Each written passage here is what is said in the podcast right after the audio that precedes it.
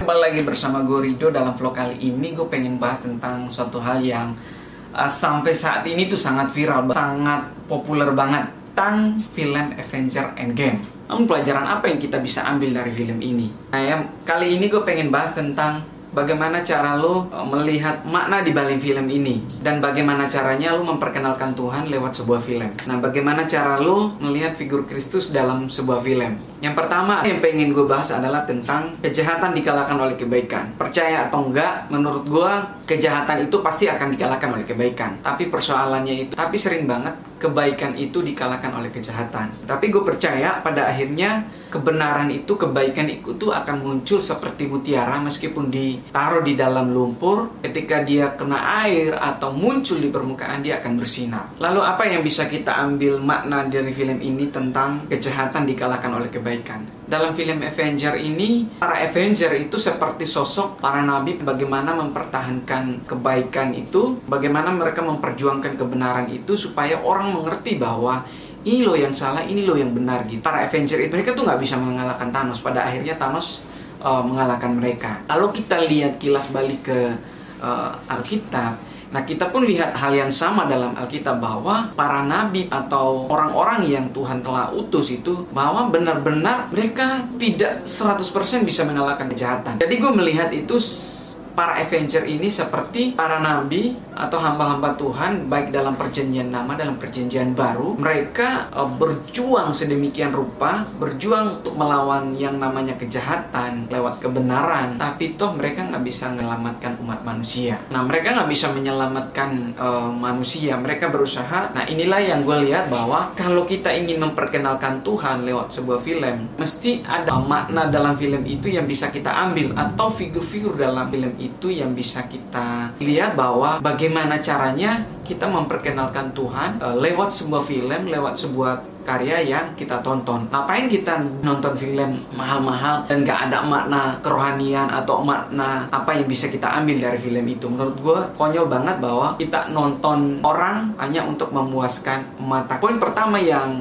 bisa kita pelajari dari film Avenger Endgame ini adalah kejahatan pasti dikalahkan oleh kebaikan. Nah, yang kedua adalah kalau kita lihat di dalam film itu satu kutipan yang paling favorit yang paling banyak diperbincangkan orang di dunia maya adalah kalau teman-teman sudah nonton film Avenger Endgame ada satu kutipan yang sangat populer. Bahkan banyak saya lihat orang-orang ketika mereka foto untuk nonton film ini banyak orang mengutip ini I love 3000 poin kedua ini adalah Tuhan mencintai kita tanpa batas. Nah dalam film itu si gadis kecil itu bilang ke ayahnya I love 3000 Tapi Tuhan bilang Aku mencintai kamu lebih dari apa pun. Unlimited love. Kasihnya Tuhan tak terbatas. Jadi kita bisa lihat bahwa Manusia bisa mencintai lo 3000 kali 10.000 kali Jutaan kali. Tapi Tuhan mencintai lo tanpa batas. Tuhan mencintai lo benar-benar total gitu. Nggak pernah setengah-setengah. Manusia bisa mencintai lo 3000 kali Atau 3000 hari Atau 3000 apalah Seperti yang dalam film Avenger Endgame ini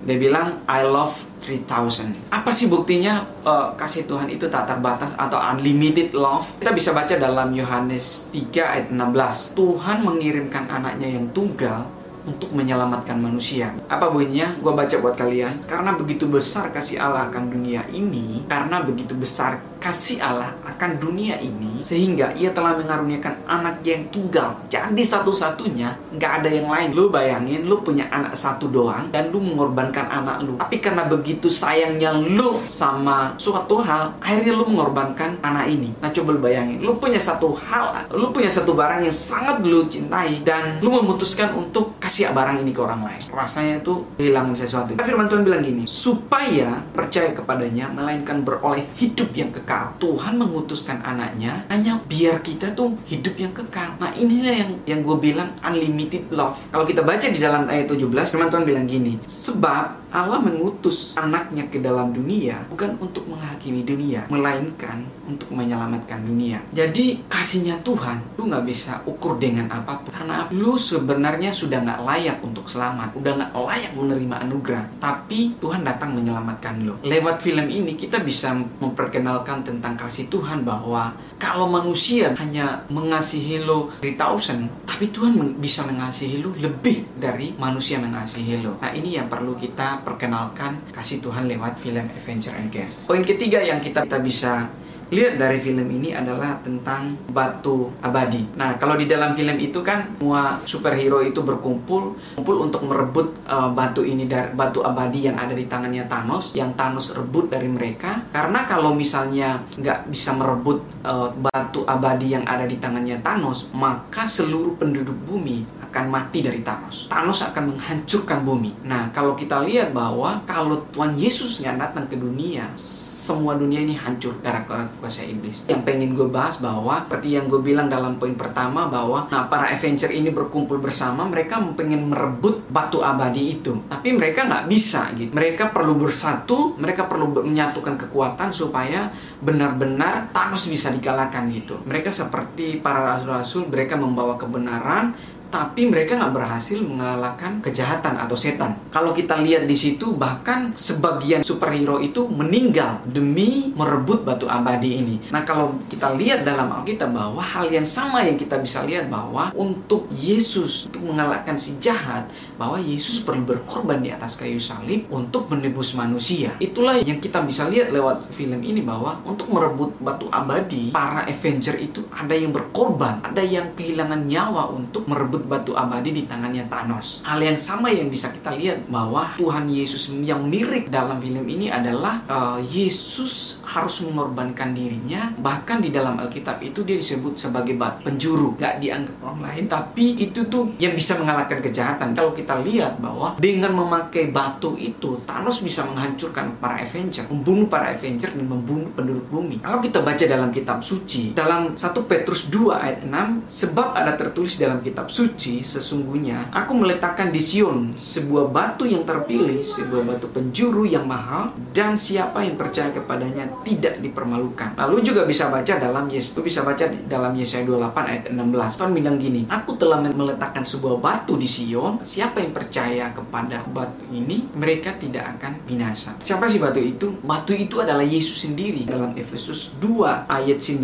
sampai 20. Saya bacakan buat kalian semua. Demikianlah bukan lagi perang asing dan pendatang, melainkan kawan sewarga, ialah orang kudus dan anggota-anggota kerajaan Allah yang dibangun atas para rasul dan para nabi dengan Yesus Kristus sebagai batu penjuru. Bahkan di dalam perjanjian lama, Yesus telah dinubuatkan bahwa batu penjuru yang disebut di dalam Yesaya itulah yang akan menyelamatkan. Siapa yang percaya padanya tidak akan binasa. Siapa sih Yesus itu sebagai batu penjuru? Kita baca di dalam Matius 16 ayat 16 sampai 17. Yesus yang adalah batu penjuru ini adalah manusia Mesias ketika Yesus menanyakan kepada murid-murid, siapa sih gue menurut kalian? Siapa sih aku yang kamu kenal? Simon bilang begini, kamu adalah Mesias, anak Allah. Dan kemudian Yesus bilang begini, Simon itu bukan menurut kamu aja, tapi Tuhan yang ngomong dalam hati kamu bahwa ini loh uh, batu penjuru yaitu Mesias yang menyelamatkan manusia dari dosa. Itu tiga hal yang bisa gue bagikan uh, buat kalian bahwa lu bisa memperkenalkan Tuhan kepada orang lain, lu bisa memperkenalkan kasih Tuhan kepada orang lain lewat sebuah film. Jadi ketika lu nonton sebuah film, pastikan lu apa yang lu bisa petik dari film itu.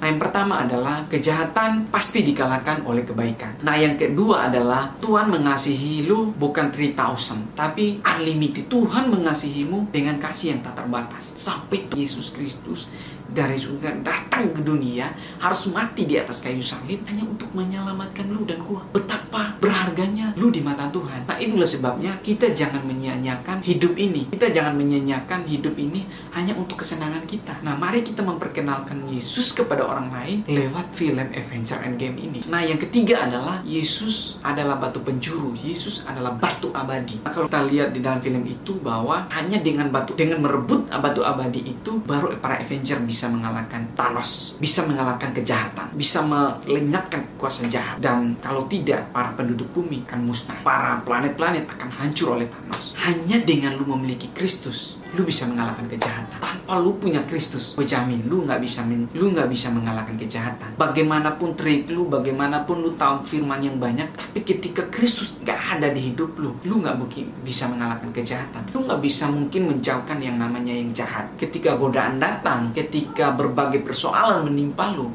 kalau lu nggak punya Kristus, lu nggak punya batu abadi itu, lu nggak mungkin bisa mengalahkan kejahatan. Itulah sebabnya, mari kita ambil makna dari film ini bahwa hanya dengan memiliki batu abadi itu, kita bisa mengalahkan kejahatan. Hanya dengan memiliki Kristus dalam kehidupan kita, lu bisa mengalahkan kejahatan. Hanya dengan Kristus ada dalam diri lu, baru lu bisa mengalahkan kejahatan. Hanya dengan Roh Kudus ada dalam diri lu, baru lu bisa mengalahkan kejahatan. Hanya dengan ada Tuhan di hati lu, baru lu bisa mengalahkan kejahatan. Gue mengucapkan terima kasih buat kalian yang sudah mensupport gue lewat subscribe dan nonton video-video yang gue share dalam channel gue. Gue terima kasih banget. Gue nggak bisa balas kebaikan kalian.